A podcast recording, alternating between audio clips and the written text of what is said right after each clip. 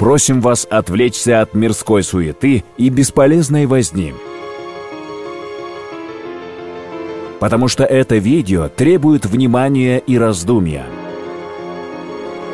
Попробуйте на короткое время не думать о другом и сконцентрироваться на этом ролике. Ведь жизнь и так проходит с бешеной скоростью, а нам предстоит еще успеть сделать очень много. Если вы готовы, то мы начнем. Оглянитесь вокруг себя. Все, что вас окружает, прекрасно и соразмерно. Не так ли? Это только внешняя сторона. А если призадуматься, то кажется, что бесконечное размножение микроорганизмов, растений, животных и людей может привести к катастрофе. Благо, есть определенный природный лимит и ограничения в размножении организмов. Все они подчиняются этой системе и не могут перейти эту грань. Чтобы лучше понять это, мы приведем несколько примеров. Возьмем микроорганизмы. При благоприятных условиях они начинают очень быстро размножаться. Если бы эти микроорганизмы могли бы беспрерывно и самостоятельно размножаться, то наш мир был бы охвачен ими. Ну а это могло бы пагубно отразиться на жизни остальных организмов. Количество и размножение микроорганизмов контролируется путем их борьбы с другими организмами. Скорпион откладывает 7 миллионов яиц в год. Если бы все эти яйца благополучно вылупились бы из яиц, то все прибрежные районы заполонили бы несметное количество скорпионов – Рыба мерланг выметывает в год около 6 миллионов икринок. Если бы все эти икринки превратились в рыб, то все реки, моря, озера и океаны кишели бы рыбой только одного – этого вида. Это привело бы к хаосу и нарушению природного равновесия. Но только 12 икринок из 6 миллионов продолжат род, а остальные служат пропитанием для других рыб великому счастью, процесс размножения всех живых организмов находится под особым и тщательным контролем.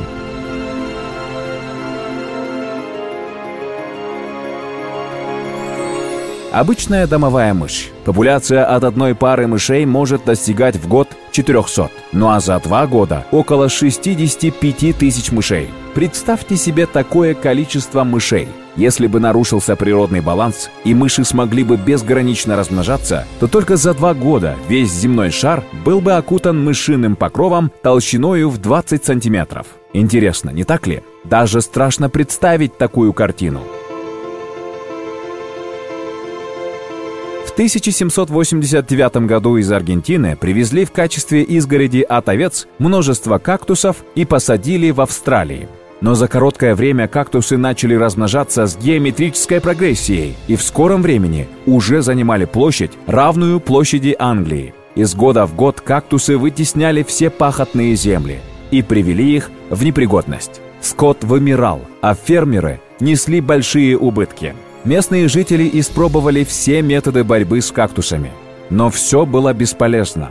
Кактусовая война настолько усилилась, что о ней начали говорить на международном уровне. Еще чуть-чуть, и вся Австралия могла превратиться в кактусовый материк. Но в 1925 году на помощь пришли энтомологи, ученые, изучающие насекомых. В результате их научных исследований было обнаружено, что на родине этих кактусов в Южной Америке их популяция контролируется бабочкой, кактусовой огневкой, которая съедает кактус изнутри. Власти Австралии немедленно привезли около 3000 яиц этой бабочки и начали их разводить.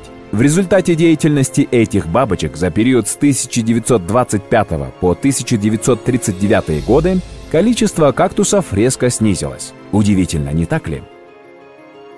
Как же трудно человеку, когда нарушается равновесие в природе. Маленькие личинки бабочки смогли сделать то, что было невозможно для разумных людей. Кто же создал это природное равновесие и взаимобаланс микроорганизмов? Доля кислорода в атмосфере составляет около 22%. 76% азота и 2% это остальные газы. Если бы доля кислорода повысилась в несколько раз, то только зажигание одной спичинки привело бы к возникновению огненного взрыва, охватившего весь земной шар. Ну а резкое уменьшение кислорода привело к удушению и нехватке воздуха для людей. Подобных примеров в природе несчетное количество. Достижения нынешней науки ежеминутно подтверждают это. И вправду, если посмотреть на все это с точки зрения материалистов, наша жизнь протекает на острие лезвия и очень опасно. Всего лишь маленькое нарушение в балансе сил природы может привести к катастрофическим последствиям и гибели человечества. Ведь причиной могут стать мелкие вещи, на которые мы особо и не обращаем должного внимания. Кто же создал и управляет всеми этими процессами? Кто же тот, кто обеспечивает баланс в природе? Или все это истечение обстоятельств? И все это появилось самостоятельно? Разумеется, нет, скажете вы. Говорить, что все это происходит самостоятельно, по крайней мере, нелогично. Воистину, есть сила, которая управляет всеми этими процессами. Интересно, кто же он? Да, вы правы. Это Всевышний Аллах, у которого есть еще одно прекрасное имя – Адл. Адл. Адл означает «справедливый», Создатель, который создал всякую вещь соразмерно, упорядоченно и в гармонии с другими. Творец, который управляет всем, дает пропитание и охраняет всякую вещь. Природное равновесие, баланс микроорганизмов, справедливое распределение пищи проявляется в прекрасном имени Всевышнего – Адл. Только Он является единственным создателем всего, что есть. И только Он обеспечивает гармонию и порядок во Вселенной. Да, Узнав все это, разумным людям остается лишь признать величие Всевышнего Аллаха и преклониться перед Ним в земном поклоне со словами «Аллаху Акбар».